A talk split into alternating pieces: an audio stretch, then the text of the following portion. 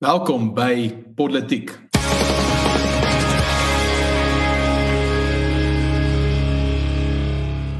Ek is Erns van Sail en saam met my atoye is Paul Marits, uh Frederik van Duyk en dan ons gas vir vandag is Rainer Dievenage van Afriforum, my kollega daar by Veldtogte. En in vandag se politiek Uh Matetwa sit die pot mis, Kiba skenking gis en insident op US kampus. Nou ja, kom ons ons is hierdie week se politiek, se politiek met bietjie politiek en uh ek het ek het dit vandag getweet ook, maar as 'n mens regtig inspirasie kort vir 'n vir 'n boek, dan moet jy net kyk wat doen Natim Tetwa. Die ou is 'n oneindige bron van nonsens en kulturele uitwissing.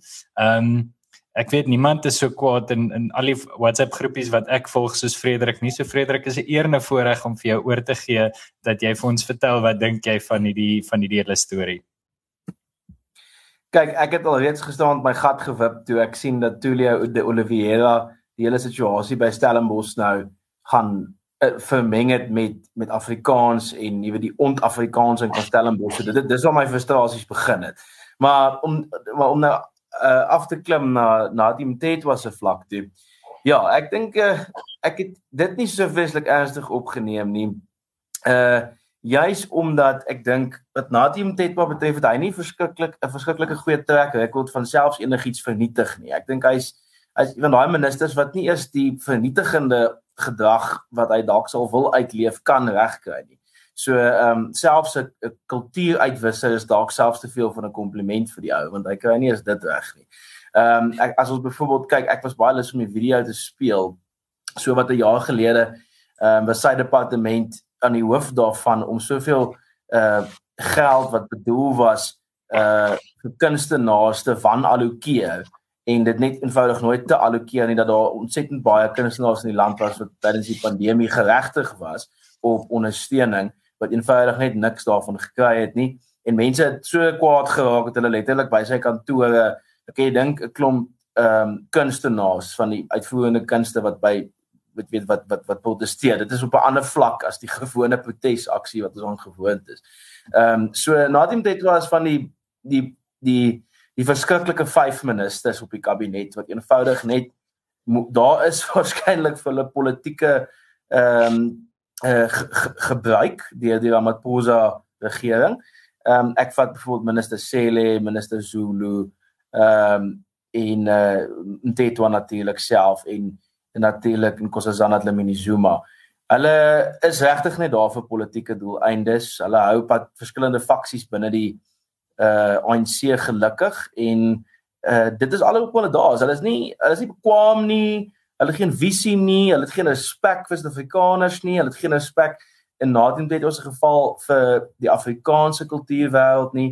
Jy kan baie duidelik sien ehm um, dat sy sy nuutste wat natuurlik nou is om die Afrikaanse taalmonument se naam te wil verander omdat dit kwansy nie inklusief genoeg is nie.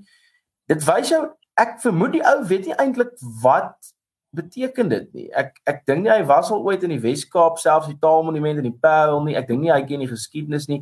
En dit is maar die siekte van ons tyd. Dis onbeleesendheid. Dit is die arrogansie om te dink al die antwoorde lê voor ons en ons hoef nie te gaan grou in die geskiedenis vir vir enige antwoorde nie. So om dit af af te sluit en ek wou graag vir julle ouens te sê het. Ehm um, Nadim Tetwa probeer om die Taalmonument se naam te verander dat dit meer inklusief is en dat dit moenie slegs na Afrikaans verwys nie wat die hele bestaanrede van die Afrikaanse taalmonument natuurlik ehm um, heeltemal ondermyn. Uh soos ek vandag vir vir een van ons studenteplein uh rubriekskrywers gesê het, weet hoe hulle nou raad vir hoe moet hulle die ding skryf? Ek sê ek wel dink so daaraan, inklusiwiteit ehm um, wat nie bereid is om diversiteit te aanvaar nie of die viering van verskillende kultuurgroepe en hulle en taalgroepe te te aanvaar nie is niks seggend dit is logies totaal betekenisloos. So ja ek wou graag met julle te sê. Uh Frederik ek wil graag op twee goed wat jy gesê het reageer wat ek nie noodwendig mee saamstem nie. Ek dink as jy sê hy's een van die 10 wat onbevoeg is of een van die 5 wat onbevoeg is dan dink ek jy oorskat die res geweldig Ehm um, ek dink kader employing het veroorsaak dat natuurlik mense gekies word op grond van politieke lojaliteite. Uh, as jy nie in hierdie stadium weet van kader employing in Suid-Afrika nie vir die mense wat luister en kyk en so 'n bietjie wonder oor hierdie woord, gaan kyk gerus. Dis maar 'n dis maar 'n kommunistiese sosialistiese benadering om te sê jy stel iemand aan gegrond op lojaliteit eerder as bevoegdheid.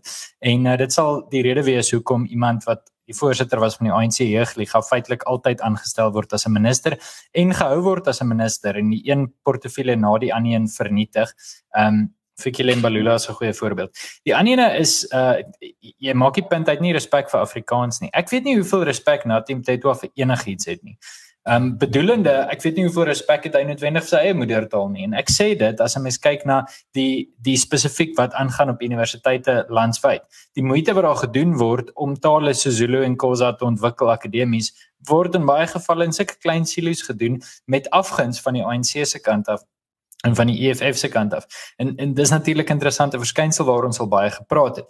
Dit bring my by twee goed wat ek hieroor wil opmerk. Die eerste ene is en, en dis dis hard om dit te sê, maar ons moet kyk na goed so sagte en harde uitwissing.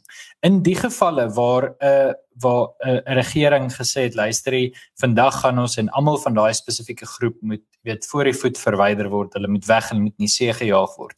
Wat 'n radikale en 'n baie drastiese uh, sameloop van omstandighede verg. Maar die eerste stap was altyd om die erfenis van daai groep uit te vee. Alana Bailey van AfriForum het baie hieroor geskryf. Ehm um, klomp mense het eintlik hieroor geskryf en ons klomp studies gedoen hieroor, maar dit is baie belangrik om te besef dat die oomblik wat jou kultuurgoed uitgewis word, die oomblik wat daar gesê word goed maar ons vat jou standbeelde weg. En ons het hierdie gesprekke in 2015 gehad, goed politieke toe nog nie bestaan nie, maar landswyd het ons gesê goed maar wat vir ons volgende weg? Ehm um, en, en jy weet as as jy daaroor dink, van 1948 af is die Rhodes standbeeld nooit verwyder in die Universiteit van Kaapstad nie. Goed, ek weet nie wanneer hy opgerig nie, is nie my groot belangstelling nie. Maar ek dink jy weet die Afrikaan Afrikaner leierskap het baie redes gehad om te sê wel hierdie ou die Jameson inval betaal, kom ons vat sy standbeeld weg, maar dis nie gedoen nie. Want daar's daai ding om te sê hoorie maar ons is nie alleen hier nie en ander mense het 'n ander erfenis. So ek dink wat sagte en harde uitwissing betref, gee dit vir my gronde hoekom hierdie aktief geoponeer word. Die Dal Josafat in die Parel is 'n vallei waar Afrika Afrikaans eintlik ontwikkel is waar die Patriot uitgegee is van 1875 af um, of vroeg ek dink hy is Januarie 1876 eers keer uitgegee. Die punt is hierdie is ontsettend belangrike dinge om teen te staan. Ons kan nie die klein goedjies net laat gaan nie. Ek verstaan mense is baie keer moeg beklei, maar daar's 'n rede hoekom mense moet opstaan. Daar's 'n rede hoekom die jong generasie en die studente wat nou in Stellenbosch en in die Parel is, en die Afrikaans is 'n taal van baie kulture in Suid-Afrika. Al die kulture moet saam staan en sê hierdie is deel van wie ons is. 'n Laaste punt wat ek vinnig wil maak en ek besef ek praat nou al lank is ons moet onthou wat hierdie ouens se visie van Suid-Afrika. Ehm um, ek sê nie hulle het noodwendig hierdie diep uitgewerkte akademiese politieke filosofie wat Joe Slovo en Nelson Mandela dalk gehad het van waantoe Suid-Afrika op pad is nie, maar hierdie goed het deurgevloei. En ek dink eers het dit by Natim Tetwa uitgekom dat hierdie absolute kommunistiese utopia wat hulle probeer skep of utopie in Afrikaans, dat dit geskep gaan word deur kulture soort van uit te wis. In 'n sekere sin soos wat Stalin nie vir mense ruimte gegee het om hulle kultuur uit te leef nie en almal soort van ehm um, hoe langer hoe meer probeer dit in dieselfde dampkring gooi. So 'n mens moet onthou dat die idee van kultuur eintlik direk teen die breër ANC drie party alliansie se visie vir Suid-Afrika gaan. Ehm um, en so ons gaan hierdie tipe goed die hele tyd hoor. Die realiteit is ons gaan maar net ander realiteit op die grond daarmee neersit en uh die idee is die perfekte trifecta. Dis in die Wes-Kaap wat nie 'n ANC provinsie is nie. Dit val Afrikaans aan, so die ANC kan eintlik net wen want hulle eie kiesersbasis is regtig grootendeels nie Afrikaans nie behalwe miskien vir Karel Neas. En ehm um, dan dan verder as dit is dit natuurlik ook 'n goeie tyd met die komende ANC verkiesing so hy kan so 'n bietjie sy naam in die media kry. Dis hoe ek hmm. hierdie situasie lees. Ja. Ja, absoluut uh, Paul net om daarbey by te las. Ek stem 100% saam met daai, maar wat ook nogal belangrik is is ek kan onthou ek weet jy of ek al voorheen op politiek hieroor gepraat het nie, maar ek kan onthou daar was lank terug, dit was soos 2 of 3 jaar terug was daar een of ander standbeeld in uh, New York opge opgerig ehm um, waar dit is soos 'n Afrika standbeeld wat hulle daar gebou het as verering tot Afrika kultuur en toe het baie republikeine daar gesê hierdie is 'n lelike standbeeld dit het niks te doen met Amerikaanse kultuur nie hoekom is dit hier en my reaksie daarop was dat moenie bekommer oor ander mense se standbeelde en ander mense se monumente nie. Jou teenreaksie wie moet wees om meer van jou eies te bou en die wat klaar bestaan in stand hou en seker te maak hulle is netjies en mooi. Ehm um, Suid-Afrika het nie 'n tekort aan monumente en standbeelde nie. Ek dink dis iets wat nogal baie uh, baie toevoeg tot 'n tot 'n stad of 'n dorp of 'n straat of 'n stadsplein en ek dink ons kan baie meer monumente en meer standbeelde bou. Nou die ding wat ons hierso sien is maar net daai tipiese ANC ehm um, benadering tot alles is dat as as ons dit nie kan hê nie dan kan niemand dit hê nie. So kom ons vernietig eerder alles eerder as om nuwe goed van alles te bou of kom ons uh, bestee 22 miljoen rand op 'n vlagpaal wat niemand enigiets oor voel nie want uh, dit is dit jy kan sien al klaar dit word nie gebou uit die hart uit nie dit word gebou want dit word teen teen 'n lekker vet tender vir iemand gegee of dit is maar net 'n kreatiewe kreatieflose poging om om iets te probeer bou.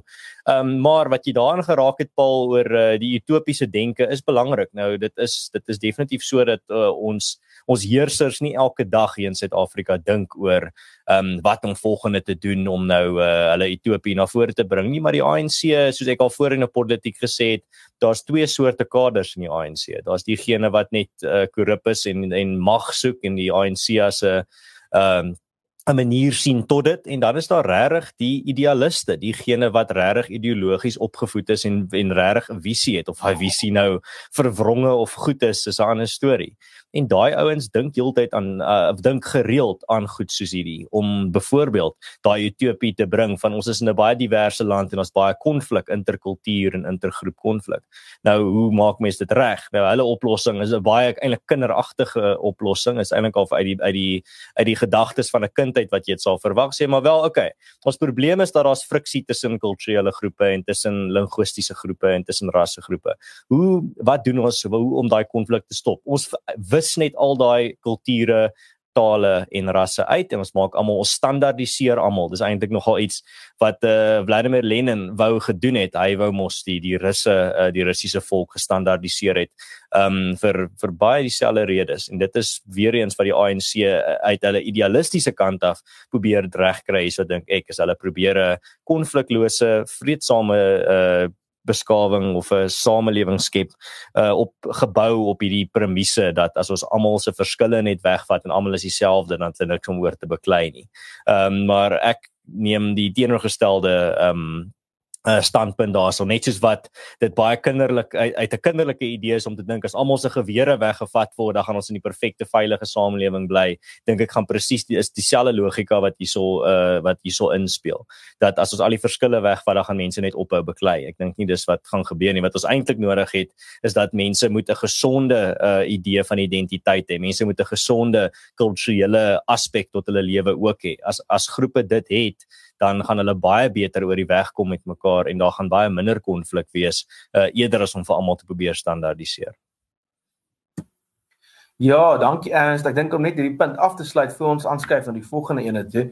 Ehm um, ek dink so drie opmerkings en die die eerste een is ook dat die standaardiseringsgedagte is nogal iets wat jy wat jy nie net ek dink ehm um, in die ANC en hulle tipe denke sien nie, maar jy sien dit ongelukkig ook op baie plekke in die weste. Ehm um, ek het byvoorbeeld as jy op Stellenbosch is, ek twyfel of die bestuur byvoorbeeld die grootste pro ANC kandidaate is. Ek dink hulle hulle probeer wik en weeg onder die druk van 'n ANC regering, maar hulle is nie jou ANC ondersteuners nie, maar wat hulle wel is, is hulle is verknog in hierdie gedagte van Engelstalige oorheersing. En dan sien jy ook 'n standaardisering wat gebeur rondom Engels. En alwaar by hierdie neerkom as jy die ANC is en of jy 'n universiteit byvoorbeeld Stellenbosch of of of of so is, is hierdie is hierdie ding dat jy moet standaardiseer, maar die vraag is wie se standaard en wie se dominante vorm van hmm. kultuurwese gaan jy dan nou afdwing op die mense wat jy standaardiseer? En dit neig in die geval van byvoorbeeld Stellenbosch om Engelstalige Westersyd te wees. In die geval van die ANC is dit hierdie snaakse ehm um, weet Afrika sosialistiese nasionalisme wat in baie gevalle soos hier eintlik maar net plain fasisme is ehm um, gebaseer op die dominante kultuur in daai kringe. So jy sien standaardisering is eintlik heeltemal net onmoontlik.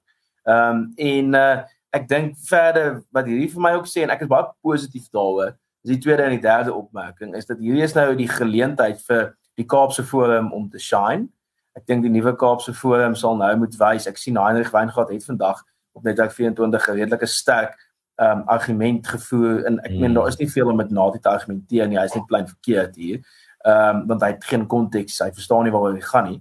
Uh maar ek dink dis die Kaapse Forum se eerste groot kultuurstryd gaan. Sou jy sê hy kan nie Natie bou nie of Ehm dis vir daai enetjie hoor. Wel ek wens ek kon vir jou nou van die program afskop het so nogal dramaties gewees het maar ja, nee, daai is 'n posisie met die met die admin. Simplisie. Ja, nee, ek dink ehm um, daar vat hy na die wind het my seil uit al wat ek verder wil sê en ek het dit op dikwels gesê, ehm um, die ANC toets die balance of forces. Ehm um, soos ek al dikwels gehoor het en hulle toets in die geval gaan gaan weer eens wys dat daar's te veel terugdink. Ek ek dink nogal so. Ek is meer positief daaroor as, as gewoonlik. Ehm um, maar op daai manier kom ons kom ons kyk wat gaan in Kiba aan. Uh Rainer, kan jy vir ons 'n uh, inleiding gee oor uh, die die Kiba storie en wat se ek bedoel ons het nou gehoor ons weet almal van die 50 miljoen maar ons hoor nou hierdie week dit is dalk bietjie meer, hmm. dalk bietjie baie meer. Uh kan jy vir ons bietjie sê wat daar aangaan? Ek wil net sê dankie julle. Ek is eerste keer dat ek nou praat hier op die program. Ek wil net sê dis my tweede gunsteling uh politiek program na Alex Jones Infowars. so ja, die tweede plek. Uh, nee, uh, ek wil net sê op ernstige noot, um, ja, so die die Kiba skenking is uh dit is iets wat uh, in die begin van die jaar aangekondig is. Afriforum het toe dadelik vir ons regspan uh, opdrag gegee om 'n regsbrief te skryf, prokureursbrief van die departement om te vra wat die rede vir die skenking is. Die departement het gesê dis uh, vir humanitêre hulp, die fondse is beskikbaar en Kiba het dit aangevra. Ehm um, toe het ons gesê dis 'n onvoldoende verduideliking, ons het oorgegaan en um, regsaksie geneem teen die skenking. Dit bestaan in die eerste plek uit 'n dringende interdik om die skenking te voorkom en dit sou dan later gaan daar ook 'n hersieningsaansoek uh plaasvind wat dan die besluit uh, gemik is om die besluit om te keer om die skenking te maak aan Kiba. Die eerste deel van die regsaksie was suksesvol. Dit was die 22ste Maart toe die toe die um dringende interdik toegestaan is deur die Hooggeregshof. Um wat toe gebeur het is uh op baie bizarre wyse het die het die departement toe besluit hulle gaan um op 'n dringende dringende basis um verlof tot appel aansoeke indien by die Hooggeregshof en die konstitusionele hof. Die eerste verlof tot appel aansoek is toe van die hand gewys, so die hof het Afriforum se interdik bekragtig. Uh verder ehm um, gaan dit die tweede een nog plaas by die konstitusionele hof. Maar nou om weer terug te kom by die tweede deel van ons regsaksie as deel van ons hersieningsaansoek moes die uh die staat of die departement hulle hulle uh rekord van besluitneming vir die vir die skenking vir ons stuur. En uit hierdie rekord van besluitneming het dit toe gebleik dat daar in 2012 al 'n kontrak geteken is met Kiba wat uh, daar 350 miljoen rand se toelaas aan Kiba betaal is en dat hierdie 50 miljoen net uh, bykomstig is. So dit dit blyk nou dat die totale uh bedrag eintlik uh dis 350 in hierdie toelaas en dan sit nou die 50 miljoen uh, skenking wat nou um, gemaak uh, gaan word. So dit um die feit dat die staat ook so desperaat is om hierdie interdik um daarteen te appeleer, wys hoe desperaat hulle is om van hierdie fondse ontslae te raak en dit is eintlik uh, skrikwekkend om te dink uh, as mens ook in ag neem dat Suid-Afrika uh, is hoër op die wêreld uh, hongerindeks as Kiba. Dit beteken dat hongersnood en voedselonsekerheid 'n groter probleem in hierdie land is as wat dit in Kiba is. En ek sê um, eintlik met Kiba maar die fondse vir ons skenk want daar's uh, daar's sekerlik uh, regtig nie baie lande waar dit slegter gaan as Suid-Afrika nie. So ek sluit maar op daai noot af. Hmm. Ja, dankie Rainer. Ehm um, as dit kom by hierdie saak, is dit regtig nie uh, iets wat nou al skok skokkend eintlik behoort te wees nie, maar terselfdertyd dit is skokkend. Ons is maar net as Suid-Afrikaners baie gedesentraliseer daarteenoor. So as dit kom by uh, as dit kom by hierdie lang lang lang pad wat ons nou saam met Kiba stap. Ek weet Paul, jy het nou al baie ook daar geskryf en nogal navorsing oor dit gedoen. Ek self het ook nou uh, nogal navorsing daar gedoen en ja, daar's baie baie stories van uh, wat Suid-Afrika alles saam met Kiba uh aanvang agter geslote deure. Partyke nie eens agter geslote deure nie. Ons moet onthou wat waar hierdie storie vandaan kom. Ons het bewus geraak van hierdie storie van die 50 miljoen rand omdat die ANC dit luidkeels verkondig het op die SABC. Hulle het dit was nie iets wat in die agter uh, in in donker steegies aan die gang was en toe het iemand dit onthul nie. Hierdie 50 miljoen rand het ons van geweet omdat die ANC het vir ons vertel daarvan. Hulle het gedink hulle gaan nou uh, 'n uh, ongelooflike groot handeklap kry en uh, hulle ondersteuners gaan baie daarvan hou en toe op die ou end het dit heeltemal ontplof in hulle gesigte. Nou wat ook belangrik is is as jy kyk na wat Ryan nou tereg uh, aangeraak het daar is dat dis net 'n klein druppel in die emmer. Dit is eintlik baie baie meer. Dis nou 350 miljoen rand wat ons vir hulle wil skenk, maar uh, ek sou wou sê jy moet elke keer as jy ANC nou ehm um, sê hulle het nie geld vir X nie, hulle het nie geld vir Y nie, dan moet jy hierdie in hulle gesigte druk, maar dis nie asof ons nie al 'n lang lang lys van dosyne gevalle het waar die ANC geld mors en geld vir hulle maatjies gee en geld steel en geld net vir laat verdwyn wat jy nie al klaar in hulle gesigte kan druk nie. Hierdie is maar net nog 'n voorbeeld.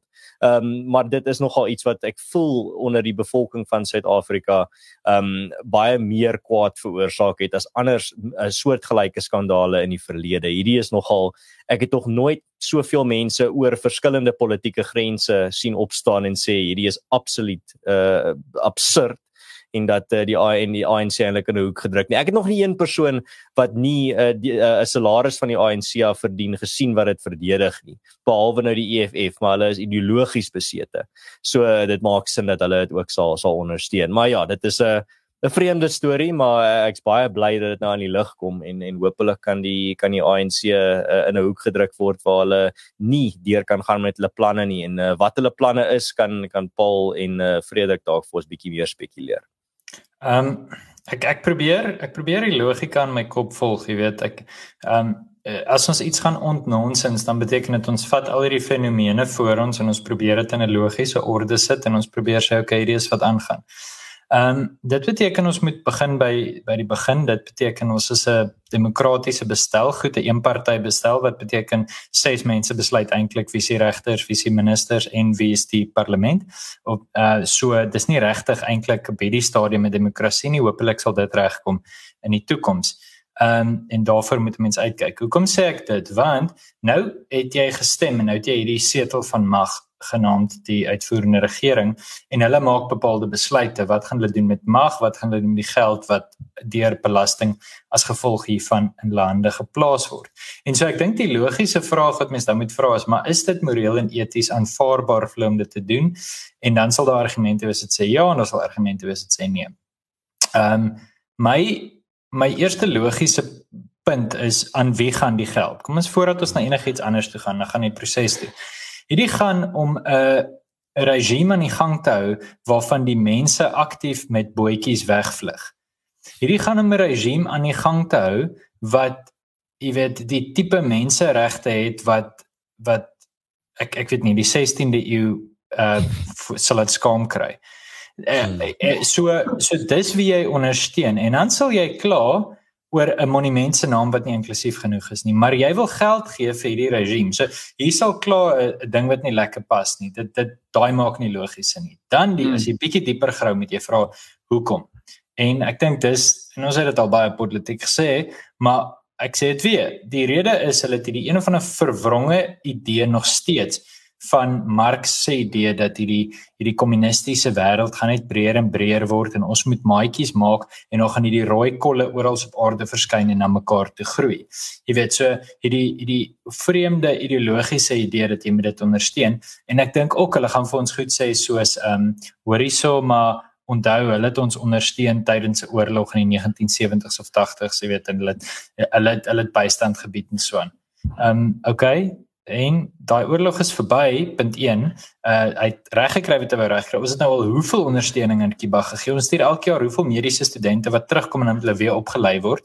Hoe lank gaan dit aangaan?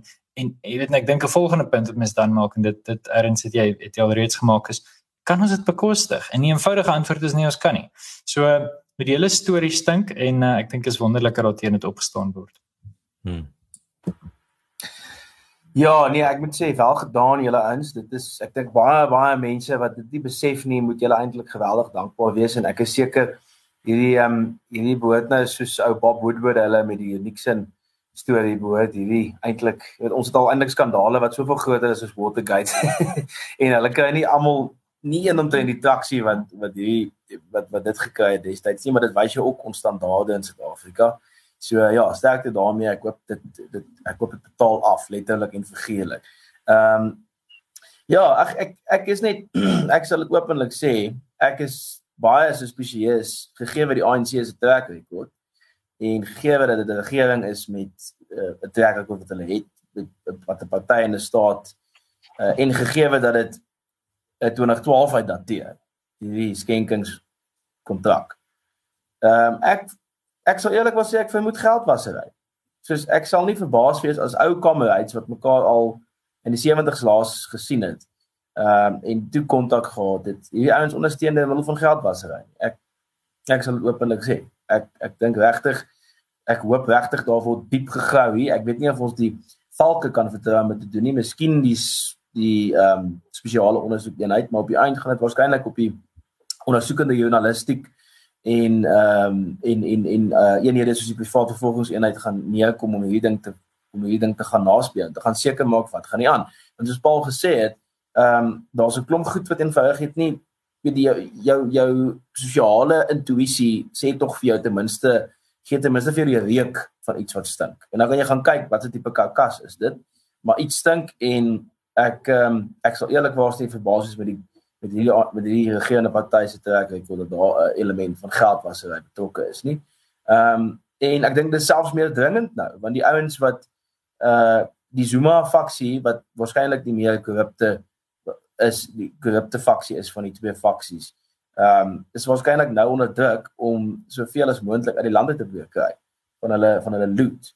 Uh so ek weet nie, dit is dit is 'n idee wat ek nogal lank al in my kop mee speel. Ek seker ek sien enigste nie, maar gaaf. Ek hoor graag wat ons verder sê oor wat op my geliefde kampus aangaan. Hmm. Uh, ek sien net uh, Rainer het nog daar uh, gewys. Hy het nog 'n finale gedagte voor ons na die vorige storie oorslaan. Ja nee, ek ek dink ons baie soliede punte gemaak. Um, ek voel net om af te sluit, hierdie is uh, die die die regering se poging om argaïese koue oorlog bande met met Kiba verder te handhaaf. Dit totaal en al uitvoering met die werklikheid en is ook eintlik uh is baie steurend omdat dit dit eintlik sê eintlik die regering verstaan nie eintlik wat die verskil is tussen die land en die party nie. Dit staan die ANC vry as party om 'n organisasie te stig en geld in te samel vir Kiba en dan die private fondse van mense wat geld geskenk het dan weer vir Kiba te skenk. Maar hulle kan nie vir vir die belastingbetaling betaler daardie rekening stuur nie. Dit is uh, eenvoudig net om hulle bande met uh, die skurke staat wat Kiba is te handhaaf. Um, hulle weet daar's 'n heldeverering ook vir Fidel Castro. Uh, Ramaphosa het gesê by by Castro se begrafnis dat Suid-Afrika uh, ehm um, beginselvaste leiers soos Castro nodig het en ons ons weet Ys Magashule het 'n reuse Fidel Castro standbeeld gebou in Bloemfontein en daai standbeeld kyk uit oor die slaggate en die verwoesting wat uh, vandag se middestad van Bloemfontein is. So dit is 'n uh, absoluut maar net 'n teken daarvan. Hmm. Nou moet ons maar oorgaan na die volgende nuus toe. Ek dink uh, die Pipi die Pipi Gate skandaal op Stellenbosch uh, was uh, uiteindelik die nuus oorskare hierdie week. So uh, laat ons oorgaan na na Pipi Gate toe en onthou ek en, en, en ek moet sê die Piet Kroukamp insident het ook eintlik amper meer media dekking as hierdie groot onthulling van die 350 miljoen gekry die week. Mm. Ja, nee, Rainer, ons gaan nou definitief na die groot stories toe. Ons het nou die al die klein geld stories klaar gedek. Nou gaan ons met die 200 rand note begin werk. Ehm um, die groot storie uh, hierdie week is uh, dat daar het 'n daar het 'n video op sosiale media begin versprei van 'n oud Stellenbosch ag nee, ek en 'n uh, Fred is 'n uh, oud Stellenbosch studente maar op ons ou kampus. Ehm um, het daar 'n uh, Stellenbosch student op die video was hy besig om te ironeer op sy nie sy kamermaat nie, maar iemand in sy koshuis, uh, ek dink boeke en uh, skootrekenaar as ek reg verstaan. Ehm um, hy's duidelik uh, besig om twee rye spore te loop op die video, maar mens kan nie regtig hoor wat hy sê nie. Ek het nogal vir Rainer gesê, ehm um, hy's so ver weg dat uh, met die met die drank dat hy al begin Portugees praat want ons kan nie regtig hoor wat hy sê nie. Maar uh terselfdertyd uh, dit het nou 'n groot boei op Stellenbosch uh, kampus uh, veroorsaak. Daar was uh, dosyne studente wat voor die koshuis betoog het uh, en gevra het vir uh, koppel om te rol. En uh, wat ons nou hierso toe gesien het is dat uh, Stellenbosch toe vlugtig uh, opgetree en hierdie student is toe um uh, suspend uh, tot uh, die uh, ondersoek nou voltooi is wat hulle sê hierdie week sal klaar wees. Ehm um, ek sal later dalk 'n gedagte of twee bysit, maar ek sal eers wil hoor uh, wat julle manne het om te sê en dan uh, daai is die konteks van die storie. Daar's nie veel meer aan dit nie. Ja, ek dink hierdie argument vloei nou al baie lekker en uh, ek ek wil dit nie uit proporsie uitblaas nie, maar ek wil graag by die krip van die argument uitkom. Ehm Karels uh, ons het voor die tyd vinnig hieroor gepraat en ek meen ek was 5 jaar in 'n manskoolhuis en as ook kameras moes wees op halfte van die goed wat gebeur het. Ehm um, wie weet dit is dis die wêreld waarin ons leef. Natuurlik dit was nie meer aanvaarbaar 300 jaar terug. Ehm um, dit was nie meer aanvaarbaar 20 jaar terug nie en dit gaan nie meer aanvaarbaar wees as iemand dit volgende week doen maar ons nie 'n kamera op hulle nie. Maar ek dink die realiteit is dat uh, die wêreld is besig om ontsettend vinnig te verander. Ek ek wonder altyd voor die internet hoeveel mense het PhD's geplagieer, jy weet as jy kan Spaans lees, niemand in Suid-Afrika kan regtig Spaans lees nie. Dan vat jy 'n PhD, jy vertaal hom Afrikaans, jy gee hom in, jy kry 'n koem, jy is professor vir 40 jaar. Niemand weet. Jy weet, ek sê nie mense het dit gedoen nie, maar ek dink die die realiteit van inligting vandat ons in die 18de eeu begin het met ietsie soos die idee van koerante. Ehm um, vandat boeke gedruk kon word in die in die 15de 16de eeu, ewe skielik het inligting net baie meer beskikbaar geword en dis wat ons nou sien. Uh, ons sien dat daar daar's eintlik nie regtig meer iets wat jy kan doen wat nie opgeneem kan word nie en en ek dink dit het 'n wesenlike implikasie op 'n paar goeters. Ek wil nie te filosofies op dit raak nie, maar ek dink ons gaan moet besef ehm um, uh skus ek myself nie rede val. Die filosoof Epictetus het gesê as jy regtig glo in wat jy doen, dan moet jy bereid wees om dit te doen met almal wat jou sien. Uh bereid wees om dit nie oop te, te doen. So ek dink ons moet uh ons moet vir onsself sê dat dit opgeneem is. Dis 'n dis 'n teken van ons tye, maar dat die gedrag absoluut onaanvaarbaar is en dat daar opgetree moet word teen so iets. Dit was nog altyd waar. Ehm um, ek dink die die universiteit het vinnig gereageer om dit in 'n mate te hanteer. Hulle kon natuurlik beter hanteer op sekere punte. Ehm um, maar mens gaan altyd versigtig moet wees in Suid-Afrika veral waar alles 'n rassegeer kry al doen jy niks nie. Uh jy weet jy kan eintlik net stil staan aan die kant van die pad wat jy kies om te staan, gaan jy al klaar in 'n bepaalde kamp sit. So nee, ehm um, wat my betref dink ek dis dis eintlik die breër tema hier so is regtig maar net dat mens moet weet jy's konstant in die in die openbare oog. Ook as jy dit plaas op sosiale media, dit gaan nooit weg nie. Dis maar altyd saam met jou. Uh Frederik, jy uh, jy wou iets gesê het? O, ek nee, ek het nou eers ge, gehoop ek kan vir 'n nuwe kans gee. O, Ron, het jy uh, het jy 'n insig daarso? Ag ek dink uh, Frederik is is eerste aan die beurt, so kom ons gee Frederik 100%. Okay. Ja, dan gaan ons. Nee, goed. Ehm um, ja, ek ek moet sê ek ek ek is versigtig oor deen en ek probeer hom as so juridies as moontlik benader. Ehm um, ek uh, ek het nou daai video 'n paar keer gekyk ehm um, en ek ek ek kan nogal uit my ervaring van koshuislewe en van mans veral Afrikaanse wit ouens in sekere ruimtes en goed kan ek nogal dink daar kan moontlik daar is 'n kans dat daar 'n element van rasisme kon wees. Maar rasisme is nie sommer net 'n ding wat jy soos baie mense doen en wat praktyk geword het kan uitskryf en en en beskuldig nie. Dit het 'n toenemend 'n strafbare juridiese aangeleentheid geword. Eerder as net 'n brood morele debat wat jy half kan die debat voer en nie van mekaar hou dan aan die einde van die debat nie en wegloop en en almal is okay nie. Uh, rasisme het wesenlike implikasies vir mense op alle terreine as hulle daaraan skuldig bevind word. Jy weet aan een of ander vorm van kriminele en juria gebaseer op ras. Ehm um, soos ons kan sien, hierdie ouetjie is byvoorbeeld geskort, die kos is uit hangende hierdie hierdie klag van rassistiese boelie gedrag ensovoorts. Nou dis hoekom ek dink wat ek wil graag begin normaliseer is dat mens rasisme soos jy nie sommer iemand 'n moordenaar sal noem nie en sonder en, en sonder kwalifikasie geldwasser sal noem nie. Ehm um, so moet mense ook versigtig wees met die begrip rasis. En ek ek is ek is baie bekommerd dat daar baie mense is uh onder andere die universiteit self wat onomwonde gesê het wees 'n rassistiese geval en dit het vir my al voorgekom of dit gebeur het nadat daar 'n grootskaalse massale ehm um, uh, uh, uh, optog was en en hmm. druk was wat gesê het maar jy weet hierdie ou rassistiese gedrag soos hierdie moet onmiddellik gestraf word. Daar moet nie eens die proses wees hier daar moet niks van die soort wees nie. Hierdie ou moet net onmiddellik geskort word. Dan natuurlik kan dit glad nie so werk nie. Ehm um, en dit is die massa mob justice element wat ons in baie van hierdie soort sosiale kwessies nou sien wat nou ook nou maar net weer daar manifesteer. Ehm um, ek eh, ek dink hierdie ouetjie moet uh, hy moet hy moet hy moet die reëls soos dit aankom met hy face soos 'n man en as daar 'n uh, redelike en goed gesteende bevinding van rasisme is, dan gaan hy dit moet vat. Ehm um, en hy gaan sy, jy weet, hy gaan daai regstryd moet beklei want dit is nou waar hy homself in daai situasie geplaas het. Ek dink dit kan van enige mens wat wat 'n kleer hy ook al is, wat 'n taalgroep hy ook al is, moet dit verwag word dat as jy optrede ge, ja, jy weet as jy optrede gepleeg het wat op prima facie 'n misdaad of een of ander vorm van uh uh, uh skade skadelike gedrag neerkom, dan moet jy jouself moet jy verantwoordelik doen, maar dit moet die volgens die proses. Ek dink daar's 'n goeie Afrikaanse vertaling vir die proses nie. Ek sukkel nogal daarmee. Ehm um, die proses moet gebeur en daar moet verhoor wees, daar moet 'n uh, on, ondersoek wees en dit moet regverdig wees. Um, Jonathan Haidt, die skrywer uh, uh, uh in in 'n in 'n in 'n sosioloog in Amerika, maatskaplike sosioloog. Um, ek dink dit is vir my half 'n teologie daai. Um, hy het gesê dat as mense die proses ervaar in 'n samelewing, dan is hulle baie meer geneig om uitkomste te aanvaar wat iets wat teen hulle strewes en belange in indrys.